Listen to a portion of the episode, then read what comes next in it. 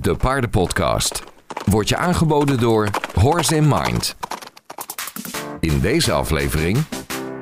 Als je je zijgang min of meer goed hebt gedaan, dan is je draf altijd verbeterd qua kwaliteit. Dat is waar de oefeningen voor zijn bedoeld. Ze zijn niet bedoeld om als kunstje te rijden. Ze zijn bedoeld om het algemeen bewegen en de algemene lichaamshouding van het paard te verbeteren. Dit is de Paardenpodcast. De podcast over de verbetering van paardenwelzijn. Voor een wereld vol gezonde en gelukkige paarden.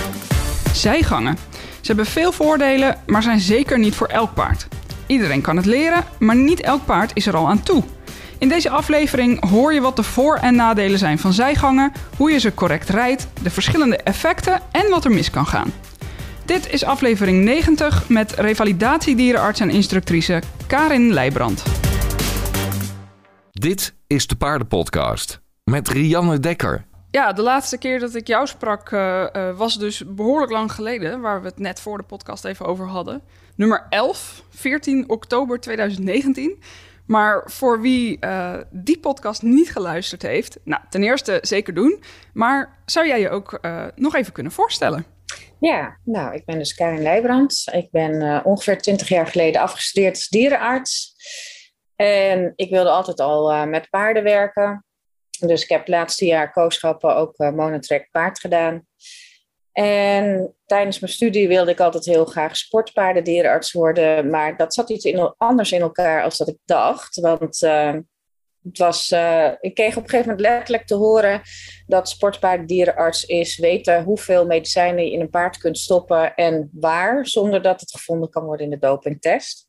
Wauw. Ja, dus uh, ik dacht van, nou wacht even. Ik dacht dat sport over gezondheid ging en dat het de bedoeling is je paard zo gezond mogelijk te hebben.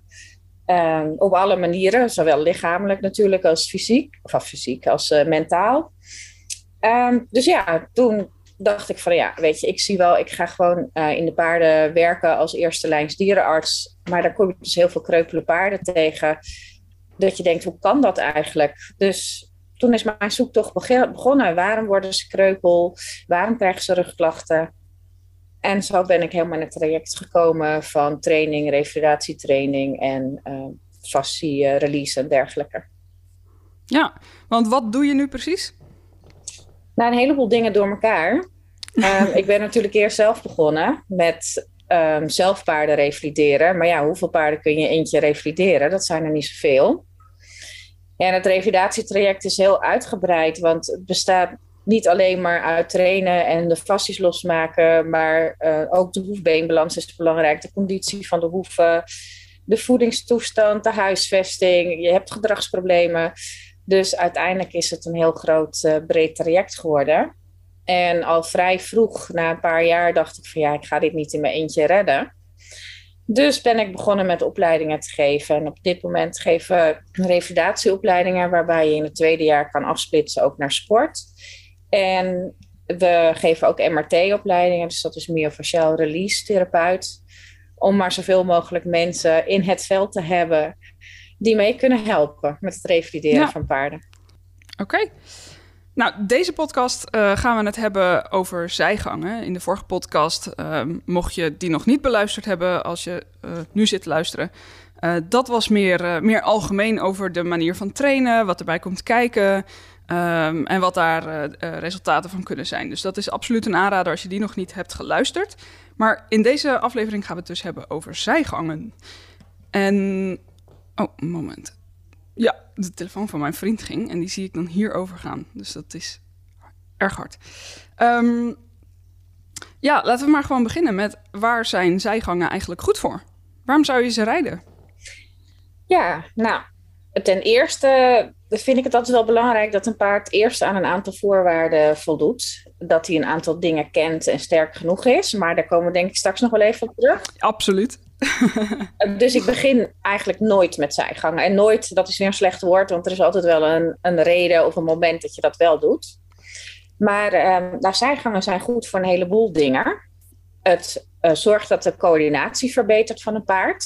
En dat is denk ik wel een hele erg belangrijke, want een paard moet natuurlijk zijn lichaam leren coördineren, zodat hij een ruiter kan dragen op de manier die het meest efficiënt is. En je ziet ook heel vaak dat als je een zijgang rijdt met een paard, dat hij zijn algemene gangen ook verbetert en zijn algemene lichaamshouding. Dus het stukje coördinatie, waardoor hij weer moet gaan zoeken in zijn lichaam, zodat hij stabieler wordt. Maar daarnaast natuurlijk ook een vergroting van de zijdelingse buiging. Dus je bent de souplesse aan het trainen. En het paard moet met zijn gewicht naar de achterhand komen. Dus dat betekent dat hij meer moet gaan dragen. Dus het is ook een vorm van krachttraining. En soms kun je zijgang ook heel goed inzetten om de aandacht van een paard er een beetje bij te krijgen. En dat is, geldt natuurlijk voor alle ingewikkelde oefeningen. Ja, zeker. Um, ja, laten we dan gelijk maar doorgaan op uh, uh, wat je aan het begin van je antwoord al, al zei. Waar, uh, wat is er nodig om goede zijgangen te kunnen rijden? Ja, nou als ik een jong paard of een omscholingspaard heb, dan ga ik altijd beginnen dat hij verticaal in evenwicht is, zodat hij de voorwaarts-neerwaarts tendens aan kan nemen. En dat moet hij beheersen in stap, draf, galop en hij moet ook een voltertje kunnen draaien. Want er zitten ook gewoon nadelen aan zijgangen. Dus ik wil dat hij wel al een bepaalde mate van coördinatie heeft. Dus als een paard bijvoorbeeld verticaal uit evenwicht is, dan, eh, ja, voor de mensen die niet weten wat dat is, um, het gewicht op één voorbeen wordt dan meer dan het andere voorbeen. Dus de romp kantelt eigenlijk een beetje om naar één voorbeen toe. Dus als een paard rechts gebogen is, dan gaat het gewicht naar links voor. En de schoft die kantelt dan ook mee naar links en een beetje naar voren. Dus dat betekent dat er heel veel gewicht komt op één voorbeen. In dit geval het linkervoorbeen. Zijn hoofd gaat dan naar rechts omhoog. En op het moment dat op deze manier het paard uit balans is, heeft een zijgang dus nadelen. Want als hij al één been te veel belast, in een zijgang wordt dat meer. En op het moment dat een paard een zijgang loopt, dan landt hij ook niet recht met zijn voet. Dus als je bijvoorbeeld een appiëment rijdt en het paard plaatst de been schuin opzij, hè, dus naar voren en opzij, dan landt hij met uh, dat been landt hij op de versenen aan de binnenkant en rolt door naar de toon van zijn hoef aan de buitenkant. Ja. En dat geeft ja, allemaal een beetje frictie en draaiing en dergelijke. Dus als het paard uit balans is, het been wat dan het meest belast is, krijgt dan best wel flink op zijn donder door zo'n zijgang. Ja. dus uh, ja, verticaal evenwicht is een hele belangrijke. Maar uh, alle zijgangen zijn opgebouwd in feite uit de vier dimensies. Dus verticaal evenwicht, horizontaal evenwicht en de laatreflectie, dat is de zijdelingse buiging. Hè? En uh, de richting, want je moet je paard natuurlijk mee kunnen nemen in een bepaalde richting. En dat kan zijn dat hij met zijn voorhand de andere kant op gaat als zijn achterhand of andersom. Maar dat kan natuurlijk ook zijn dat hij met zijn geheel een bepaalde richting op moet. Dus die dingen wil ik hem eerst allemaal leren. Ja. Inclusief dus de goede voorwaarts-neerwaartse tendens, zodat zijn lichaam eerst helemaal uitgelijnd is. En ja, alle zijgangen bevatten een buiging, dus een, een zijdelingse buiging in het lichaam. Als ze die niet goed kunnen, dan raken ze in een zijgang altijd verticaal uit evenwicht. Dus die vier dingen wil ik ze allemaal leren, inclusief dat je moet kunnen spelen met de energie.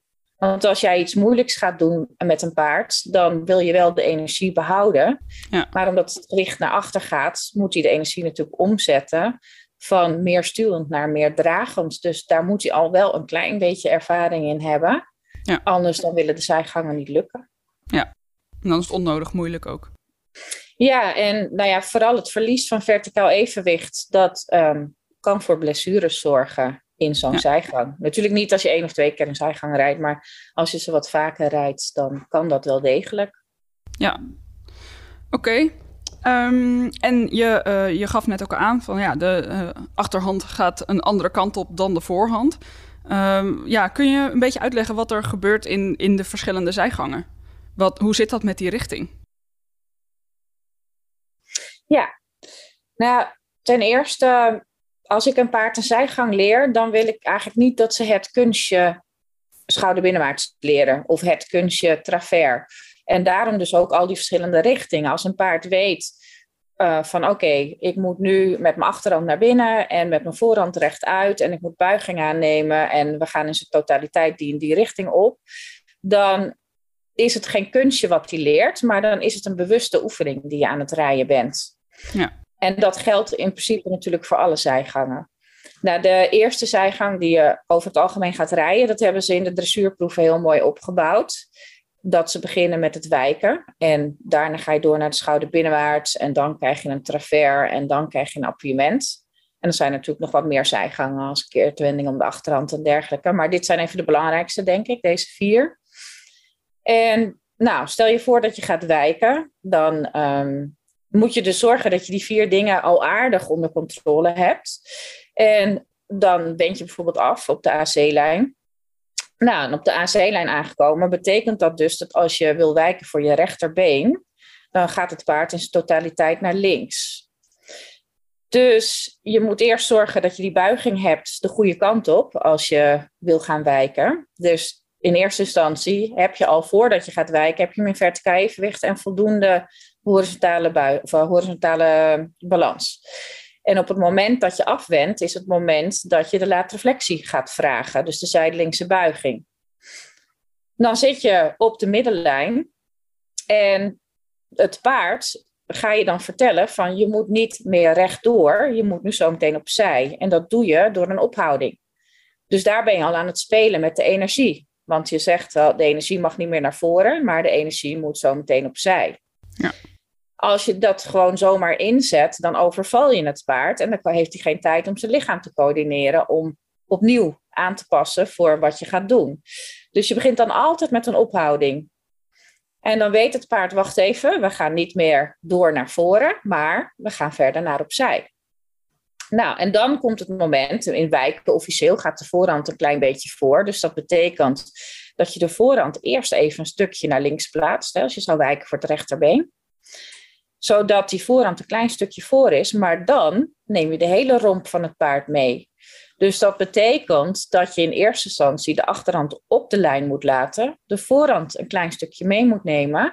En dan moet je tegen het paard zeggen: Nu gaan we de hele romp meenemen. Ja. Dus dat is de richting. Ja. En dat verschilt natuurlijk per zijgang wat waar naartoe moet. Ja, en uh, natuurlijk als dit in een proef uitgevoerd wordt, dan, uh, dan gaan deze dingen allemaal behoorlijk snel achter elkaar. Maar eigenlijk uit jouw uitleg proef ik ook wel dat als je, op het moment dat je paard dit aan het aanleren bent, dan kun je ook kun je de tijd nemen eigenlijk voor al deze verschillende zaken. Om die te ja. isoleren. Nou ja, wat mij altijd uh, heel erg verrast heeft. Ik heb de eerste jaren dat ik paarden ging revalideren, dan waren ze natuurlijk een maand of twee, drie bij mij en dan gingen ze terug naar de eigenaar. En dan was ik dus alleen maar problemen aan het oplossen in de basis. Dus ik was uh, voorwaarts neerwaarts aan het rijden. Ik was uh, bokkende paarden proberen weer gewoon aan de praat te krijgen. En weer vertrouwen terug te geven dat ze gewoon kunnen stappen, draven, galopperen. Dus kwam ik eigenlijk niet heel erg aan zijgangen toe. En later besefte ik, een paar jaar later, toen ik paarden tegenkwam die ik langer door mocht trainen, onder andere natuurlijk ook mijn eigen paarden, maar ja, één paard is maar één paard. dus daar kun je niet zoveel over zeggen. Maar toen ik andere paarden langer door mocht trainen, omdat mensen het leuk vonden om niet alleen hun paard gerevalideerd te hebben, maar ook op deze manier verder te trainen, kwam ik er eigenlijk achter dat het dus als die paarden die vier dimensies kennen, dat het heel simpel is. Want ze weten alle losse onderdelen, dus je hoeft ze alleen maar samen te voegen. Ja. Maar wat ik bijvoorbeeld doe als ik een paard leer wijken, is dat ik bijvoorbeeld als ik bij A zou willen afwenden, dat ik eerst een paar keer een voltetje draai, een klein voltetje naar rechts. Hè, ik zou willen wijken voor het rechterbeen. En dan eerst alles al helemaal in orde heb, voordat ik ga wijken. Dus verticaal evenwicht moet in orde zijn, uh, de reflectie moet in orde zijn, hij moet voldoende op achter zijn. En dan is het zo makkelijk om hem een pasje mee te nemen. Ja.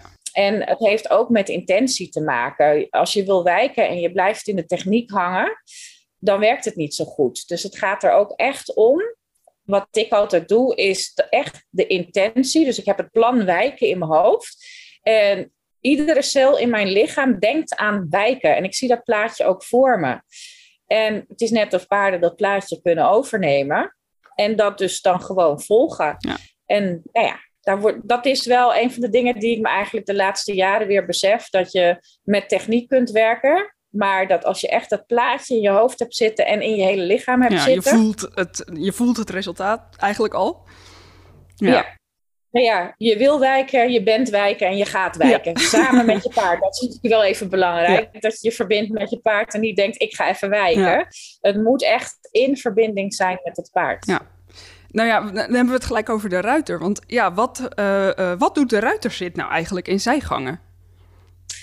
Ja, dit, dit, is bijna weer een aparte podcast die ik misschien met Tessa Rosa ja, precies, ja, zou moeten wel. Maar ik ben toch benieuwd naar jouw visie erop. Ten eerste, als je natuurlijk bijvoorbeeld gaat wijken, dat is eigenlijk een beginnerszijgang. En dat is een moment waarop je nog wel redelijk in een voorwaarts-neerwaarts tendens bent. Je hebt iets meer verticaal, of eh, sorry, horizontaal evenwicht dan dat je doet op het moment dat je zomaar voorwaarts-neerwaarts gaat. Daar is de wijken ook voor bedoeld, om een klein stapje naar verzameling te maken. Maar dat betekent dat je nog niet heel zwaar gaat zitten. Want dat is eigenlijk het eerste moment waarop het paard zijn rug meer omhoog moet brengen. Want hij moet meer gewicht naar achter hevelen. Dat doet hij door zijn onderlijn te sluiten.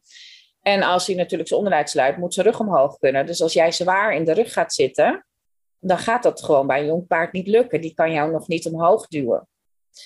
Dus dat betekent dat je toch een beetje blijft zitten in wat ze de remonte zit noemen. Dat is een soort dressuurzit, een beetje verlicht.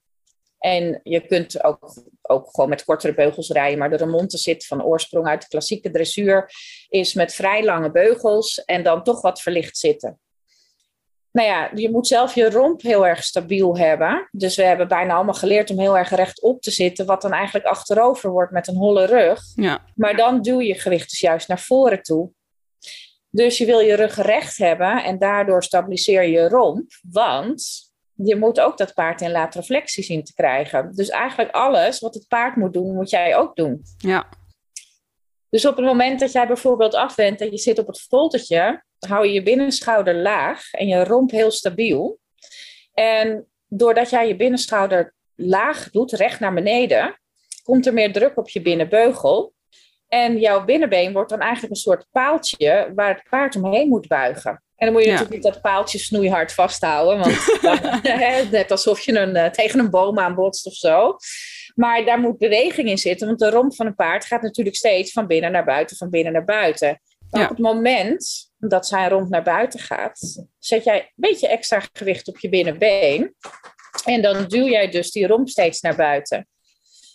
Maar het paard die moet natuurlijk ook de zijdelingse buiging aannemen naar rechts. En jij laat je rechter schouder zakken. Dus jij hebt zelf eigenlijk ook een beetje zijdelingse buiging naar rechts. Ja, en, ik denk dat daarin dan ook wel weer een, uh, een... Al gauw het foutje erin kruipt van het alleen inknikken... in plaats van denken aan je hele rechterzijde. Dat klopt. En meestal raken paarden natuurlijk toch een beetje uit balans... als ze de eerste keer gaan wijken. En dan willen ze jou op de verkeerde kant hebben. Ja. En daarom ook dat voltertje vooraf, want dan kun je vast op dat voltertje kun je zorgen dat je op de rechterkant zit, op de binnenkant zit. En als je dan gaat wijken, ja, dan is het dus zaak om daar te blijven zitten. Maar het gebeurt mij ook dat ik natuurlijk soms toch de andere kant op word gezet. En dan weet ik wat er mis is gegaan. Dan ben ik de later ja. kwijtgeraakt. Ja. Of evenwicht, dat kan ook. Samen, vaak gaat dat samen. Dus in die zin zijn, uh, uh, zijn zijgangen uh, niet alleen om alle, nou, eigenlijk alle zaken te trainen die je in het begin van de podcast noemde, maar ook een heel mooi feedbackmoment voor de rest van je training. Ja, absoluut. Ja, dat zeg je inderdaad heel mooi. Het is inderdaad testen. Snapt het paard die vier dimensies? Kan die zijn balans houden? Hoe is de coördinatie? Maar het is ook andersom, want een zijgang gaat in het begin nooit perfect. Ik heb dat nog nooit meegemaakt. En dat is helemaal niet erg, want in eerste instantie gaat het natuurlijk om dat hij het concept een beetje begrijpt. Dat hij eh, weet van, oh wacht even, dit is de bedoeling. Dus wat ik altijd doe als ik een zijgang rijd, dat ik bijvoorbeeld aan het draven ben en dan heb ik een bepaalde kwaliteit in de draf. En dan ga ik een zijgang doen. En of dat nou in stap is of in draf is, dat maakt niet zo heel veel uit. En die zijgang, die geeft een bepaalde verbetering, ook al is die nog niet perfect. Maar het paard gaat toch iets verbeteren in een van de vier dimensies, zich beter coördineren. En dan ga ik weer kijken, ga ik weer gewoon draven na die oefening. En dan ga ik kijken, is de kwaliteit van de draf verbeterd? En als je je zijgang min of meer goed hebt gedaan, dus al goed voor dat moment, dan is je draf altijd verbeterd qua kwaliteit. En zo, dat, is zo, dat is waar de oefeningen voor zijn bedoeld. Ze zijn uiteindelijk niet bedoeld om als kunstje te rijden. Ze zijn bedoeld om het algemeen bewegen en de algemene lichaamshouding van het paard te verbeteren. Ja, inderdaad. Dus het is, het is gewoon geen einddoel op zich. Dan ben ik wel even benieuwd. Ja, wat, wat zijn nou de, de, de meest gemaakte fouten in zijgangen? De meest gemaakte fouten, dat is het overbuigen in de hals. En het tekort maken in de hals. Want als een paard iets moeilijk vindt, dan wil hij natuurlijk liever niet zijwaarts gaan in, in een zijgang. Maar dan wil hij eigenlijk liever gewoon doorlopen. En dan wordt het paard tegengehouden. En als je hem tegenhoudt en je moet dat met wat meer hand doen, ja, dan gaat hij tekort worden in de hals. En ik heb dat ook altijd als ik een paard uh, ga beginnen met zijgangen en ik moet hem steeds herinneren van let op, niet naar voren, we gaan opzij, niet naar voren, we gaan opzij. Dan heb ik wel, wel een periode van een paar weken dat hij wel een tikje tekort wordt in de hals. Maar het is natuurlijk belangrijk dan als je die ophouding maakt, dat je hem steeds ook weer even loslaat. Dus uh, dat is wat er dan vaak fout gaat, is dat mensen het paard wel bij zich kunnen houden en dan die zijgang in kunnen, maar niet los durven te laten. Want op het moment dat je hem loslaat, dan gaat hij de zijgang uit. Ja. En dan kan je er dus beter voor kiezen om hem steeds te herinneren van, hey, hier, we gaan uh, in de zijgang blijven en je laat hem los en dan val je er weer uit. En dan zeg je, nee, we blijven in de zijgang, zodat je hem steeds weer even los kunt laten, zodat hij ook in die zijgang zo snel mogelijk op eigen benen loopt. En dan dus weer lengte in de hals kan pakken. Ja. En de andere, en dat zie je met name in de schouder binnenwaarts, is dat het paard wel buigt in de hals, maar niet buigt in de romp. En dan gaat het paard verticaal uit evenwicht raken. Hij gaat zijn zijdelingse buiging kwijtraken. Dus dan heb je eigenlijk niet een hele nuttige schouder binnenwaarts gereden.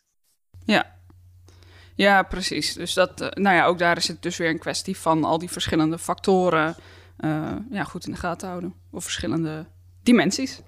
Zijn er nou, uh, wel, welke zijgangen zijn er nou eigenlijk het, ja, het moeilijkst om te rijden? Kun je, kun je daar überhaupt onderscheid in maken? Ja, zeker. Er zit natuurlijk een opbouw in. Dat je begint met het wijken en dan de schouderbinnenwaarts en dan de travers en dan het appuiement. En de verschillen zitten hem daarin dat als je gaat wijken, dan heb je. Ja, er wordt zelfs al gezegd, wijken heeft geen zijdelingse buiging, maar daar ben ik het niet mee eens. Ik gebruik zelfs het wijken om een paard te verbeteren in de zijdelingse buiging op de volte. Maar je kunt met wijken kun je een paard nog een beetje voor de druk van je binnen-bovenbeen dan. Hè, want we zien ook heel vaak dat mensen met hun onderbeen het paard opzij willen duwen. Maar hij moet, dan buigt hij niet om je been heen. Dus in principe laat je hem voor je bovenbeen opzij gaan. En voor je gewicht. En dan kun je hem nog wel eens een beetje gewoon naar buiten toe laten vallen. En ik doe dat liever niet. Ik heb hem liever rechtop. Maar om een paard dat te leren, dan zou dat kunnen. Dus die zijgang die is gewoon makkelijk. Die vraagt vrij weinig verzameling. En uh, je kunt het dus heel makkelijk houden voor het paard. Dus vandaar dat hij helemaal in het begin zit. Dus je hebt vrij weinig gedragenheid en je hebt vrij weinig buiging. En de volgende stap is dan de schouder binnenwaarts. Maar daarmee moet een paard meer gaan buigen en ook meer gaan dragen. Ja. En dan kom je bij de travers uit en dan moet je nog meer buiging hebben en op een iets andere plek in het lichaam. Dus dan is die weer moeilijker. En dan zie je ook dat die paarden heel snel hun verticaal evenwicht gaan verliezen. Ze willen allemaal willen ze op de binnenschouder vallen omdat ze de hoeveelheid zijdelingse buiging in eerste instantie helemaal niet kunnen. Ja, en, en als we het hebben over uh, uh, de binnenschouder in zijgangen, dan bedoelen we de, uh, de schouder aan de kant van de holling, hè? Ja, klopt. Aan de Om even kant. echt duidelijk te zijn. Ja, ja, aan de kant van de buiging. Ja. Precies. Dus als je een travers naar rechts rijdt, dan is de binnenkant is de rechterkant. Ja. Ja. En vanuit de travers ga je een appiëment doen. En daar zit een hele logische opbouw in, want eigenlijk is een appuiement de travers, alleen plaats je de voorhand dan voor de achterhand. Maar je houdt dezelfde buiging. Maar omdat het paard dan zijn voorhand voor moet zetten, moet hij nog meer gewicht naar achteren hevelen. Dus in de travers hoeven ze nog niet eens zoveel gewicht naar achteren mee te nemen. Maar op het moment dat je de voorhand van richting gaat veranderen, moet je die voorhand helemaal gaan opliften. En dan moet hij dus heel veel gewicht naar achteren hebben en zijn laterflexie zien te houden en niet omvallen naar het binnenvoorbeen. En je, wat ik heel vaak doe, is ehm, de appiëmenten worden vaak vanuit de schreeuw binnenwaarts gereden. Dat is op zich ook logisch, want dan heb je de voorhand voor. Maar in het begin rij ik de appiëmenten vanuit de travers. Want wat wil een paard doen in appiëment? Dat is zijn zijdelingse buiging verliezen en op de binnenschouder vallen. Dus als ik de travers pak en dan een diagonaal oprij in travers, als je dat hopelijk een beetje voor je kan uh, zien, in die travers willen ze omvallen naar de binnenschouder. Maar als hij dat eenmaal geleerd heeft niet meer te doen, dan kan ik dus vanuit de travers de voorhand meenemen, zodat de voorhand voorkomt. En als je dat op een diagonaal doet, dan krijg je natuurlijk uiteindelijk een appiëment. Ja. Maar iedere keer als dat paard dreigt te vallen op de binnenschouder, zet ik hem even terug naar een, een uh, travers. Dat is dus eigenlijk een soort appiëment met de achterhand voor. Dus eigenlijk een niet goede ja. appiëment. Maar dan corrigeer ik weer even zijn latere flexie en het vallen op de binnenschouder. En dan neem ik hem weer mee, net zodat ze voorhand voorkomt, zodat ik weer een appiëment uitkom. En precies dat punt dat hij net nog de achterhand voor heeft naar net de voorhand voor, dat is het punt waar ze altijd omvallen. Dus dan ga ik weer even terug en weer terug naar appiëment, weer terug naar te ver. Net zolang totdat ze zoiets hebben van, oh, wacht, ik kan mijn voorhand voordoen zonder te vallen. Nou, dat kost even tijd. Voor uh, luisteraars die, uh, nou ja, ik denk dat luisteraars hierbij echt een heel goed uh, voorstellingsvermogen nodig ja, hebben. sorry. dus als je dit allemaal gehoord hebt en je denkt, wat voor en welke buiging en hè? scroll dan gewoon eventjes vijf minuutjes terug en ja, luister het, gewoon nog een keer opnieuw. Ja, ja, weet je, dat is handig natuurlijk van een podcast. Kun je gewoon eventjes terugspoelen en, en nog een keer luisteren. Nou ja, wat de bottom ehm, line denk ik is, is dat je gewoon er een beetje mee gaat spelen. Het hoeft niet perfect te zijn. Nee, het is niet het herhalen van één zijgang uh, eindeloos is. totdat het goed gaat. Het is, uh, want, want zoals we al zeiden, het is geen einddoel. Het is een, een, een middel om de rest te verbeteren eigenlijk. Um, en, en binnen dat middel kun je, uh, kun je de andere zijgangen dus ook weer gebruiken om een ander te verbeteren. If that makes sense. Dan ben ik ook nog wel even benieuwd. Uh, kan, kunnen zijgangen met elk paard? Nou ja, het antwoord is daarop natuurlijk al, nee, want we hadden het al over die factoren die daar belangrijk voor zijn. Maar zijn er ook contra-indicaties voor zijgangen? Ja, ik ben voorzichtig met zijgangen als paarden blessures hebben in de ondervoet. En als ze peesblessures hebben waar ze van revalideren. En vooral als ze blessures hebben aan de ligamentjes die aan de zijkanten van de gewrichten zitten. Want die krijgen met zijgangen wel echt uh, wat te verduren. Dus aan de andere kant, als je die ligamentjes wil versterken, moet je zijgangen gaan rijden. Maar dat betekent dat je even het goede moment moet afwachten. Ja, precies. Ja, en verder, ieder paard, welk ras, maakt niet uit. Ze kunnen allemaal zijgangen leren. En als je natuurlijk de sportpaarden hebt van tegenwoordig, die zijn heel erg uh, soepel. Ik noem het hypermobiel, maar die kunnen dus makkelijk buigen en die kunnen heel groot scharen. En als je daar een, uh, een fjord tegenover zet, alhoewel die ook steeds hypermobieler gefokt worden, ja, die is gewoon stugger in zijn lijf. Dus het kost meer tijd voordat je die souplesse hebt. Maar met zo'n heel soepel paard kost het weer meer tijd voordat je de stabiliteit hebt. Dus je hebt altijd het een of het ander. Vraag en antwoord. Um, nou, dit is eigenlijk gewoon meteen ook echt een mooi bruggetje naar vragen die ik heb gekregen via Instagram. Um, want een van die vragen was: is het lastiger voor ponies of Shetlanders? Ja en nee dus. Want ja. nou ja, met Shetlanders is het sowieso lastiger, want die hebben een hele eigen mening over dingen. Ik heb hele leuke dingen gedaan hoor met Shetlanders, ook met uh, uh, lange lijnen werken, lange teugels werken en zo. En dus, ja, ze kunnen uiteindelijk alles. Dus dat is niet het punt. Alleen om hun mind mee te krijgen, dat is al wel een uitdaging. Ja, en ze zijn natuurlijk wat stugger, maar ja, wel heel stabiel. Dus ja. Ja, het heeft zijn voor- en zijn nadelen. Ja, absoluut. Ja. Maar ze zijn ook wat stugger in hun hoofd vaak. Uh, maar niet allemaal. Je hebt er ook bij die het heel grappig vinden. Maar als ik aan Shetlander denk, dan zie ik een plaatje voor me wat ik van de week doorgestuurd kreeg. dat als je paarden achter een hek wil houden, dan heb je gewoon één draadje nodig. En ponies Ja. heb je een hekwerk nodig. Geen Shetlanders, dan heb je gewoon een soort Jurassic Een- een heel- Park eh, hekwerk Ja, nodig. een heel, een heel Alcatraz. ja, precies. Ja, nou heb ik, ik, ik, ik vind het, eh, ik grijp elke mogelijkheid aan om, eh, om mensen dat te vertellen. Ik heb echt de braafste Shetlander ever. Die gaat alleen maar onder draadjes of tussen draadjes door als er eh, geen tot heel weinig stroom op staat. En verder blijft ze er super netjes achter. We hebben nu twee weilandjes waar helemaal geen stroom op staat. En ze staat al maanden gewoon netjes, netjes op de track. maar goed, ze is de uitzondering hè, die, de regel, die de regel bevestigt. Ehm, dan de andere vraag via Instagram is: ehm, heb je ook ervaring met gangenpaarden? En is er daarmee iets, eh, ja, waar moet je dan rekening mee houden? Ehm, ik heb niet zo heel veel ervaring met gangenpaarden, wel een paar. En wat ik merk bij gangenpaarden is dat die ehm, door de manier van bewegen zich vaak wat verstrakken in de romp. En dat is, maakt het wel lastiger om een zijgang te rijden, maar niet onmogelijk. Ja. En het is dan Ja. natuurlijk ook een beetje, gangenpaarden kunnen ook normaal bewegen.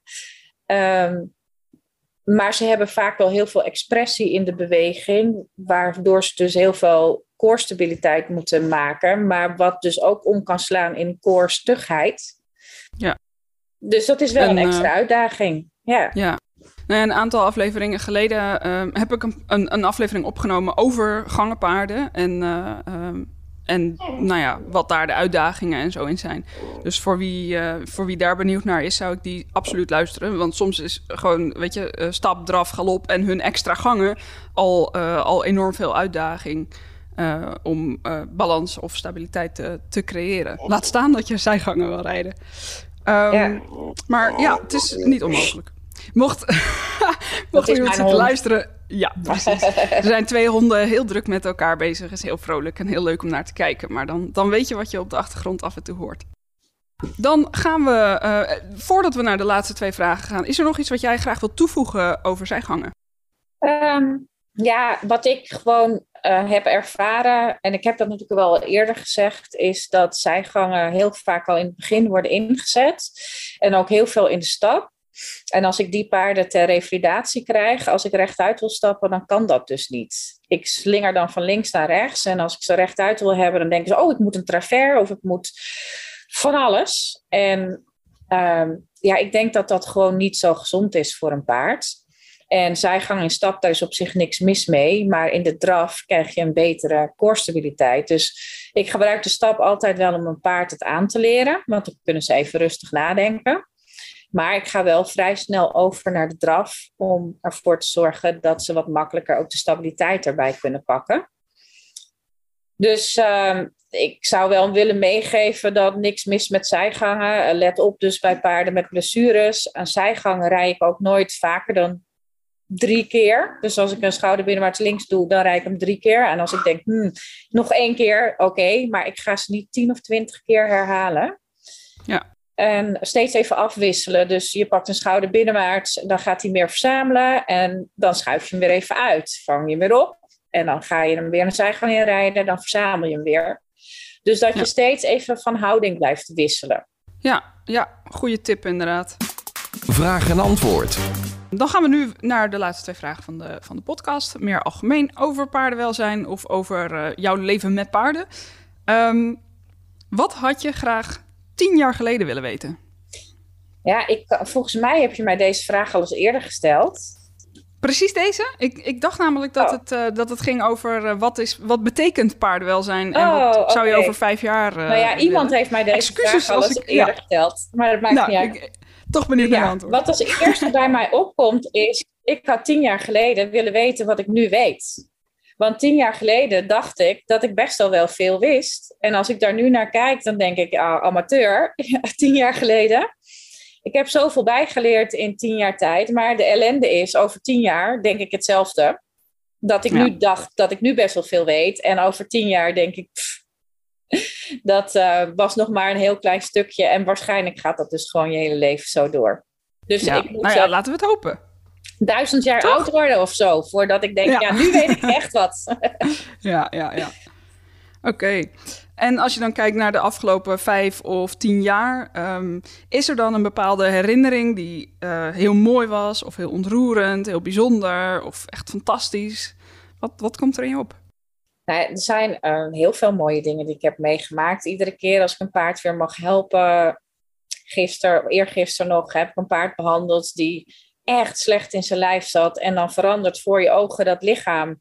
En dan zie je die ogen van het paard weer zacht worden en weer open staan. En nou, dat, dat, dat is gewoon, maar ja, dat is niet echt een herinnering, maar dat is dus waarom ik zo gelukkig word van het werk wat ik doe.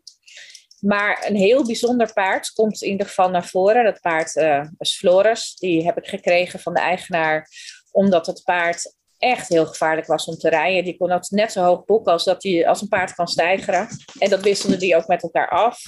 Oh ja. En dat was eigenlijk de eerste keer dat ik geconfronteerd word met hypermobiliteit en wat dat voor een paard eigenlijk betekent. Dus ik ben het paard gaan trainen. Ik kon hem ook rijden. En wij hadden, ik kon hem niet aanraken, want hij was zo gevoelig dat alles wat ik deed was al te veel. Dus hij was heel snel overprikkeld. Dus als ik bijvoorbeeld een zweepje had, als ik daarmee reed en ik pakte een volte en hij ging buigen, dan wordt natuurlijk de binnenkant korter van zo'n paard. En dan kwam het pluimpje van mijn zweep tegen zijn lijf aan. Ja, en dan stak hij zijn voorbenen in het zand en dan uh, deed hij een poging om eraf te bokken. Gewoon voor zo'n dingetje, weet je, alsof er een vliegje op zijn lijf zit.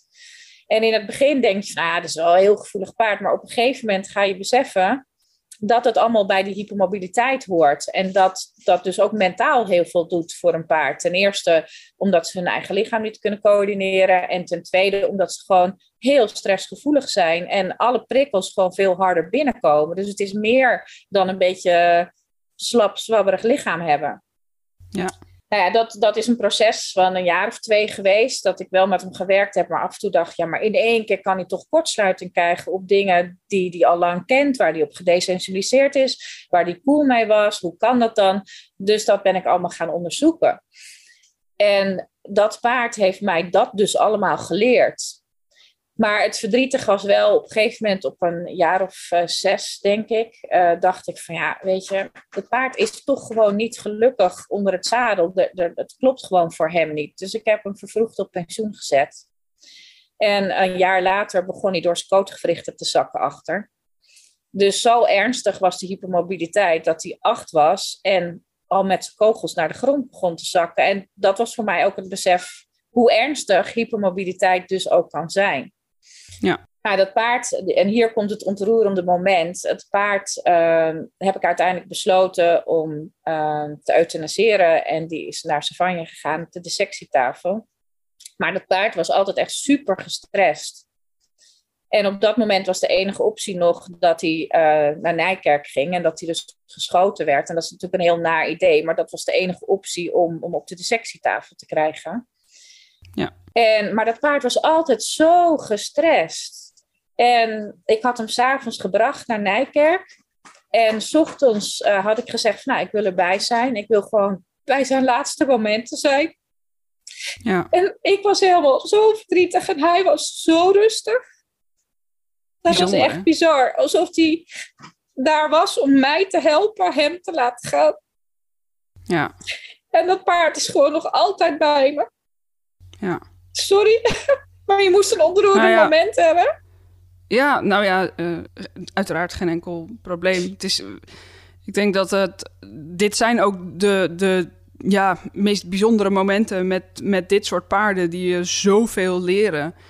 En ehm, ja, Ja, het paard was zo intelligent. En hij, als ik hem reed, dan moest ik hem alleen op mijn gedachten rijden. Die voelde die allemaal, die pikte die op. Hij wilde het allemaal voor je doen, uiteindelijk, hè, toen zijn grootste eh, discomfort weg was. En dat geeft dan zo'n band. Hij kon gewoon alles lezen. Hij wist wanneer Ja. ik kwam. Dan stond hij er al. ehm, ja, het was gewoon Ja. net een echt een mens waar je een verbinding mee had. En eh, ja, dan is het gewoon heel moeilijk om zo'n dier te laten gaan. ja, Maar nou ja, wat ik zeg, hij is nog altijd bij me. En eh, hij is een van de paarden die mij de meeste dingen heeft geleerd. En daar zal ik altijd dankbaar voor blijven. ja, ja, absoluut. Dankjewel voor het delen van, dat, van dat moment. Nou ja, ik hoop ook heel veel mensen die met hun paard bij mij komen, die hebben vaak mensen die denken van, oh, dit paard zit in de problemen, ik ga hem helpen. En dat kan echt een heel verdrietig traject worden natuurlijk uiteindelijk. Maar deze mhm. mensen wil ik in ieder geval meegeven dat daar ook hele mooie dingen aan zitten. Je leert heel veel van ze. En je bent toch heel belangrijk geweest in hun leven, want je hebt naar ze geluisterd. Ja. En ze erkenning gegeven, hun problemen erkend, hun paard zijn erkend. En daarmee heb je ze eigenlijk geheeld, ook al kunnen ze fysiek niet altijd meer erbovenop komen. Ja, ja. nou ja, dat, dat mentale stuk is, is eigenlijk minstens zo belangrijk natuurlijk. En het gaat deels hand in hand. Dan, uh, ja, dat is eigenlijk gewoon heel erg gek ook om, uh, om, nu van deze hele mooie, uh, bijzondere herinnering te gaan naar gewoon weer compleet iets anders. Maar wel iets wat, wat kan helpen, wat eigenaren kan helpen om, om inderdaad aan de slag te gaan met hun paard. Ook op de manier die je in deze podcast gehoord hebt, maar ook natuurlijk in de vorige podcast met Karin. en dat is de, de online training, je paard blessurevrij trainen. Als luisteraar van de podcast heb je daar 10% korting op met de code Paardenpodcast. Je kan in de beschrijving van de aflevering daar meer over lezen en ook de link vinden. Karin, als je hem kort moet samenvatten, hoe zou je dat doen voor deze online training? Voor, voor wie is het en wat is je resultaat? Ja, nou, het is voor iedereen die um, wil trainen op een manier waar het paard zich goed bij voelt. En dat is ook de rode draad geweest in de afgelopen twintig jaar. Dat ik naar het paard heb gekeken. Waar wordt hij nou blij van in de training? En zo zijn dus al die dingen bij elkaar gekomen. En deze cursus, die pakt daar het eerste stukje van. En het is natuurlijk een cursus in samenwerking met Tessa Roos. En wat ik eigenlijk heb gedaan voor het paard, heeft Tessa gedaan voor de ruiter. En dat paste zo mooi bij elkaar dat uh, we deze kennis hebben samengevoegd. En het is het eerste stukje naar de correcte voorwaarts-neerwaarts tendens toe, van waaruit je later verder kunt en je paard zo gezond mogelijk kan houden of ja. Ehm, revalidatiepaarden weer mee op weg kan helpen. Ja, en het eerste stukje, dat klinkt alsof het een, eh, een hele kleine training is, uh, maar met een paar basics.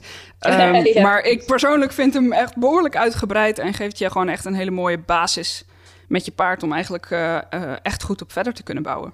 Ja, ja, we hebben natuurlijk ook het, echt het logeren meegepakt, de houding en de zit van de ruiter en dan het rijden. Ja, en het trainen van je oog natuurlijk ja. en technieken. Ja. Maar het is eigenlijk precies zoals wij een paard zouden opstarten. Dus uh, hè, vanaf de grond en dan gaan opbouwen. En uh, we hebben zoveel mogelijk tools meegegeven waarop je zelf kan observeren of je de goede kant op gaat, ja of nee. Zowel gedragsmatig als fysiek. Dankjewel voor het delen van, uh, van jouw ervaringen en tips wat betreft zijgangen. You're welcome. Het was weer gezellig. Vond je deze podcast interessant? Dan zou ik het heel leuk vinden als je mijn handje wil helpen om nog meer paardeneigenaren te inspireren. Dat kun je bijvoorbeeld doen door deze podcast te delen op social media. En wat ik ook tof zou vinden is als je een recensie zou willen schrijven. Dat kan via jouw podcast-app of via het kopje recensies op de Facebookpagina van Horse Mind. Dankjewel en tot de volgende keer.